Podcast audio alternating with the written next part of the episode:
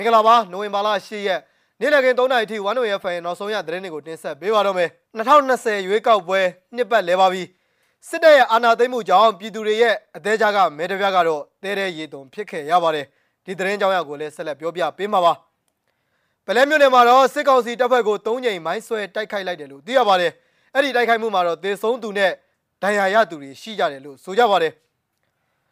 ဆီယနာရှင်စန့်ကြီးကဏီမြို့နယ်လူလူတပိတ်စစ်ကြောင်းကိုတော့ဒီကနေ့မှာ ခြိတက်ဆန္ဒပြကြပါတယ်ဒီသတင်းတွေနဲ့အတူဒီကနေ့နေ့လယ်ပိုင်း3နာရီထိနောက်ဆုံးရရှိတဲ့သတင်းတွေကိုတင်ဆက်ပေးမှာပါခင်ဗျာပထမဆုံးအနေနဲ့တင်ဆက်ပေးခြင်းတဲ့သတင်းတစ်ပုဒ်ကတော့2020ပြည့်နှစ်နိုဝင်ဘာလ10ရက်နေ့မှာပြုလုပ်ကျင်းပခဲ့တဲ့အထွေထွေရွေးကောက်ပွဲကြီးကတော့ဒီကနေ့2021ခုနှစ်နိုဝင်ဘာလ10ရက်မှာနှစ်ပတ်လည်ခဲ့ပြီဖြစ်ပါတယ်ဖေဖော်ဝါရီလ1ရက်နေ့ကသာစစ်တပ်ကအာဏာမသိမ်းခဲ့လို့ရှိရင်လက်ရှိအချိန်မှာအမျိုးသားဒီမိုကရေစီအဖွဲ့ချုပ် NLD က အစိုးရတရက်အနေနဲ့ဧပြီလကစတင်ပြီးနိုင်ငံကိုဆက်လက်အုပ်ချုပ်နိုင်မှာပဲဖြစ်ပါတယ်ဒါပေမဲ့အခုကတော့စစ်တပ်ရဲ့အာဏာသိမ်းမှုကြောင့်ပြည်သူတွေရဲ့အသေးချာကမဲတပြားကတော့တဲတဲရေတုံဖြစ်ခဲ့ရပါတယ်မြန်မာနိုင်ငံရဲ့2020ရွေးကောက်ပွဲနဲ့ပတ်သက်ပြီးတော့ရွေးကောက်ပွဲဟာရတက်ပွားစရာအချို့ရှိခဲ့ပေမဲ့အများကယုံကြည်လက်ခံပြီးဒီမိုကရေစီလိုလားတဲ့မြန်မာပြည်သူလူထုရဲ့တန်ဋိဌာန်ကိုထက်လောင်းအတီးပြုတ်ခဲ့တယ်လို့လွတ်လပ်ပြီးတော့မီကိုကင်းတဲ့လေးလာစောင့်ကြည့်သူတွေကအစီရင်ခံခဲ့ကြတယ်လို့ မြန်မာနိုင်ငံဆိုင်ရာအမေရိကန်တန်ယုံကဒီကနေ့နှစ်ပတ်လည်လေးမှာသုံးသက်ရေးသားထားပါတယ်ခင်ဗျာဒါပြင်စစ်တပ်ရဲ့ဖိနှိပ်ချိုးဖောက်မှုတွေအတွက်တရားမျှတမှုနဲ့တာဝန်ယူမှုတာဝန်ခံမှုရှိစေရေးတိုးမြင့်လှုံ့ဆော်သွားဖို့အမေရိကန်ပြည်ထောင်စုကကတိကဝတ်ပြုထားပါတယ်နောက်ထပ်သတင်းတစ်ပုဒ်အနေနဲ့စကိုင်းတိုင်းပလဲမြို့နယ်ချီလင်တက်တဲ့စစ်ကောင်စီရင်နှန်းကိုမနေ့ကနိုဝင်ဘာ9ရက်မိုင်း3ကဆွဲတိုက်ခိုက်ခဲ့ပြီးတော့စစ်ကောင်စီဘက်ကသေဆုံးသူနဲ့ဒဏ်ရာရသူတွေရှိတယ်လို့ပလဲပြည်သူ့ကာကွယ်ရေးတပ်ဖွဲ့ရဲ့တာဝန်ရှိသူကပြောပါတယ်ခင်ဗျာ ကန်တောင်ကျွော်ကနေခြေလင်ထွက်လာတဲ့အင်အား20လောက်ပါတဲ့စစ်ကောင်စီတပ်ကိုမနေ့ကနနက်9နာရီမိနစ်30လောက်ကလိုင်းချောင်းလမ်းခွဲအရှိတ်ဘက်အရောက်မှာမိုင်းသုံးလုံးဆွဲပြီးတော့ပထမအကြိမ်မိုင်းဆွဲတိုက်ခိုက်ခဲ့ရမှာတေဆုံးသူနဲ့ဒဏ်ရာရသူတွေရှိကြောင်းသူကဆိုပါတယ်ခင်ဗျာပြည်သူ့ကာကွယ်ရေးတပ်ဖွဲ့ဌာနချုပ်အဖွဲ့ဝင်ဗိုလ်ပေါက်ချိုင်းရဲ့ပုံတောင်တိုက်ခအဖွဲ့ကဗလဲမြို့ကစစ်ကား၅စီးနဲ့ထွက်လာတဲ့စစ်ကောင်စီရင်နှန်းကိုလာကြိုတဲ့ခြေလင်တပ်ကိုတိုက်ခိုက်ခဲ့တာလည်းဖြစ်ပါတယ်ခင်ဗျာ အဲ့ဒီခြေလင်တပ်ကတော့ဗလဲမြို့ကထွက်လာတဲ့စစ်ကောင်စီရင်နှန်းနဲ့ပေါင်းမိပြီးတဲ့နောက်ဆက်လက်ထွက်ခွာလာရမှာအုံနောက်ရွာအနောက်ဘက်မှာမနေ့ကနေ့လယ်7နာရီလောက်ကပုံတောင်တိုက်ကားအဖွဲ့ကမိုင်း6လုံးနဲ့ဒုတိယအကြိမ်မြောက်တိုက်ခိုက်တာကိုခံလိုက်ရပါတယ်တိုက်ခိုက်ခံရတဲ့အဲ့ဒီစစ်ကောင်စီရင်နှန်းကတော့စစ်ကားလေးစီးနဲ့ဆက်လက်ထွက်ခွာလာရမှာပုံတောင်တိုက်ကားအဖွဲ့နဲ့ပလဲပြောက်ကြားတပ်ဖွဲ့တို့ပူးပေါင်းပြီးမနေ့ကညနေ9နာရီမိနစ်30အချိန်လောက်မှာလဲ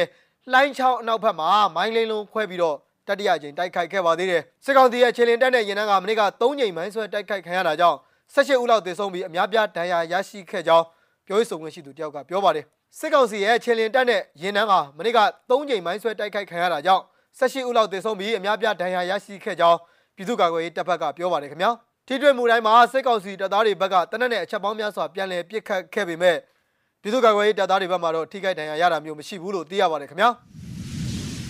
နောက်ထပ်သတင်းပုတ်အနေနဲ့ဆီယနာရှင်စန့်ကျင်ရေးကဏီမြို့နယ်လူလူတပိတ်စစ်ကြောင်းကိုအာတင်းရှစ်ဆက်ပြည်သူ့အတွက်ကဏီ PDF စေအုပ်စုတောက်တိုင်မှန်သမျှစန့်ကျင်ကြဆိုတဲ့ကြွေးကြော်တန်တွေနဲ့ဒီကနေ့နိုဝင်ဘာလ10ရက်နေ့မှာ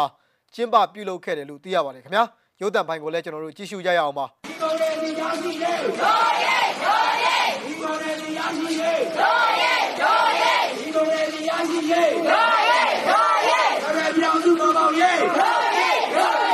ရဲဘယ်ပြောင်းစုပေါ်ပေါင်းရေးရောရဲရောရဲဘယ်ပြောင်းစုပေါ်ပေါင်းရေးရောရဲရောရဲချက်ချင်းတော့ချက်ချင်းတော့ချက်ချင်းတော့ချက်ချင်းတော့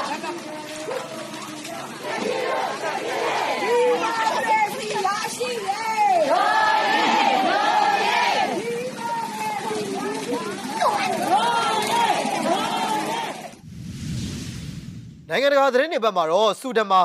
အာနာသိမ့်မှုကိုစန့်ကျင်တဲ့စီရီယန်လှုပ်ရှားမှုစတင်ပြီဆိုတဲ့ AFP ရဲ့သတင်းတစ်ပုဒ်ကိုလည်းဆက်လက်ပြီးတော့တင်ဆက်ပေးချင်ပါတယ်ခင်ဗျာဆူဒန်နိုင်ငံမြို့တော်ခါတော်မှာပြီးခဲ့တဲ့လကအာနာသိမ်းမှုကိုစန့်ကျင်တဲ့အာနာဖီဇာရဲ့လှုပ်ရှားမှုစတင်ခဲ့ပြီးနှစ်ရက်အကြာနိုဝင်ဘာလ9ရက်တနင်္ဂနွေနေ့ကဈေးဆိုင်နဲ့လမ်းတွေပိတ်ဆို့ထားတာကိုတွေ့မြင်ကြရပါတယ်။အော်တိုဘာလ25အာနာသိမ်းမှုအတွက်အော်တိုဘာလ30ရက်နေ့မှာနိုင်ငံနဲ့တဝန်အင်အားတောင်းနဲ့ချီတဲ့ အာနာသိမ်းမှုစန့်ကျင်ဆန္ဒပြပွဲတွေဖြစ်ပွားခဲ့ပေမဲ့ရက်ဆက်တဲ့အသေးပြစ်ခတ်ဖြိုခွင်းမှုနဲ့ရင်ဆိုင်ခဲ့ရပါတယ်။အဲ့ဒီအတွက်ဆန္ဒပြသူ14ဦးထံမှနဲ့တေဆုံးခဲ့ပြီး300ခန့်ဒဏ်ရာရရှိခဲ့ကြောင်းဆူဒန်ရဲ့လွတ်လပ်တဲ့ဆရာဝန်များဗဟိုကော်မတီကထုတ်ပြန်ခဲ့ပါတယ်။တနင်္ဂနွေနေ့ကအာနာဖီဇန်ရေးလှုပ်ရှားမှုလူထုစုဝေးပွဲတစ်ခုမှာ ဆူဒန်လုံခြုံရေးတပ်ဖွဲ့ဝင်များကမျက်ရည်ယိုဘုံတွေနဲ့ပစ်ခတ်ခဲ့ပါတယ်။ဒါဇင်ပေါင်းများစွာသောကျောင်းဆရာမတွေဟာစစ်အုပ်ချုပ်ရေးအလိုမရှိဆိုတဲ့ဆိုင်းဘုတ်တွေကိုကင်ဆောင်ပြီးမြို့တော်ခါတွန်ရဲ့ပညာရေးဝန်ကြီးဌာနရှေ့မှာအရက်သားအုပ်ချုပ်ရေးကိုအပြည့်အဝအသွင်ကူးပြောင်းရေးအတွက်တောင်းဆိုခဲ့ကြပါတယ်။ပညာရေးဝန်ကြီးဌာနရှေ့မှာဘာတန်ရဲ့ဆုံးဖြတ်ချက်တွေကိုငြိမ်းချမ်းစွာဆန္ဒပြဖို့ကျွန်တော်တို့စီစဉ်နေပါတယ်လို့နိုင်ငံရဲ့ထိပ်တန်းဗိုလ်ချုပ်ကြီးမိုဟာမက်အက်ဘ်ဒယ်ဖက်ဒါအယ်ဘာဟန်ကို စန့်ကျင်ဆန္ဒပြရာမှာပါဝင်ခဲ့တဲ့ပထဝီဘာသာပြဆရာမိုဟာမက်အယ်အမင်းကပြောပြခဲ့ပါတယ်ကျွန်တော်တို့ကလမ်းပေါ်မှာဆိုင်းဘုတ်တွေကင်ပြီးဒီနေ့ရက်နေုံရက်နေပေမဲ့နောက်ပိုင်းမှာရဲတွေကမျက်ရည်ယိုဘုံတွေနဲ့ပြစ်ခတ်ခဲ့ပါတယ်လို့၎င်းကဆိုပါတယ်။အသေးပြောက်အတိအကျမသိရသေးပေမဲ့ဆရာဆရာမ89ဦးခန့်ကိုဖမ်းဆီးထိန်းသိမ်းထားကြောင်းအာနာဖီဇန်ရေးလှုံ့ဆော်ထားတဲ့နိုင်ငံလုံးဆိုင်ရာစူဒန်ပညာတတ်များအစည်းအရုံး SPA ကဆိုပါတယ်။အာနာသိန်းစစ်ကောင်းဆောင်တွေရဲ့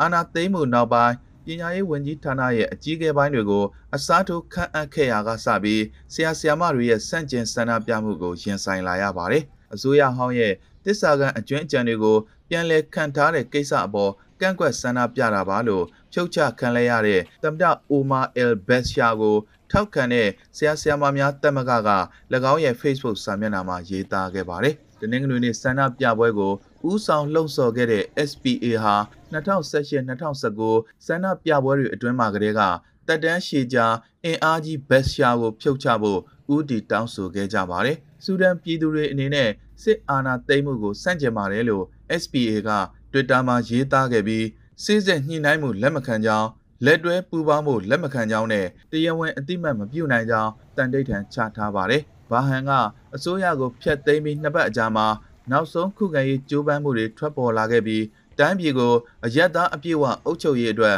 ဦးတီလှုပ်ဆောင်မဲ့စစ်ဖက်အရက်ဖက်ပူးတွဲအုပ်ချုပ်ရေးကောင်စီကိုပါဖျက်သိမ်းလိုက်ပါတယ်။ဘာဟန်ဟာအရေးပေါ်အခြေအနေကြီးညာခဲ့ပြီးဆူဒန်ရဲ့အရက်ဖက်ခေါင်းဆောင်ကိုထိန်းသိမ်းခဲ့ပါတယ်။ဝန်ကြီးချုပ်အဗ်ဒူလာဟန်ဒေါ့ကိုခေတ္တဖမ်းဆီးထိန်းသိမ်းခဲ့ရာကနောက်ပိုင်းမှာနေအိမ်အကျေကျုပ်ချထားလိုက်ပါတယ်။ဂျာတာပရီနေကအစိုးရအဖွဲ့ဝင်အရက်သား၄ဦးကိုစစ်တပ်ကပြန်လွတ်ပေးခဲ့ပေမဲ့အခြားသူတွေကိုဆက်လက်ထိန်းသိမ်းထားခဲ့ပါတယ်။ အဲ့ဒီနေ့မှာပဲလုံခြုံရေးတပ်ဖွဲ့တွေဟာဆူဒန်နိုင်ငံဆိုင်ရာကုလအထူးကိုယ်စားလှယ်ဝိုကာပါတီနဲ့ဆွေးနွေးခဲ့ပြီးတဲ့နောက်ခါတိုမြို့ရှိကုလသမဂ္ဂအဆောက်အုံတစ်ခုအနည်းကအရက်ဘက်ခေါင်းဆောင်တွေကိုဆက်လက်ဖမ်းဆီးခဲ့ပါတယ်။နိုင်ငံရေးသမားတွေနဲ့တက်ကြွလှုပ်ရှားသူတွေဖမ်းဆီးတာတွေရပ်ပြီးလူအခွင့်အရေးချိုးဖောက်မှုတွေရပ်တန့်ဖို့စစ်တပ်ခေါင်းဆောင်တွေကိုမိမိတို့တောင်းဆိုပါတယ်လို့ပါတီကတောက်ကြနေမှာထုတ်ပြန်ခဲ့ပါတယ်။စစ်အာဏာသိမ်းမှုကို နိုင်ငံတကာကပြစ်တင်ရှုံချလိုက်ပြီးဒဏ်ခတ်ပိတ်ဆို့မှုအပါအဝင် အကူအညီတွေဖျက်တောက်ဖို့နဲ့အရသာအုပ်ချုပ်မှုကိုအမြန်ဆုံးပြန်လည်ပေးအပ်ဖို့တောင်းဆိုလိုက်ပါတယ်။ဘာဟန်ကတော့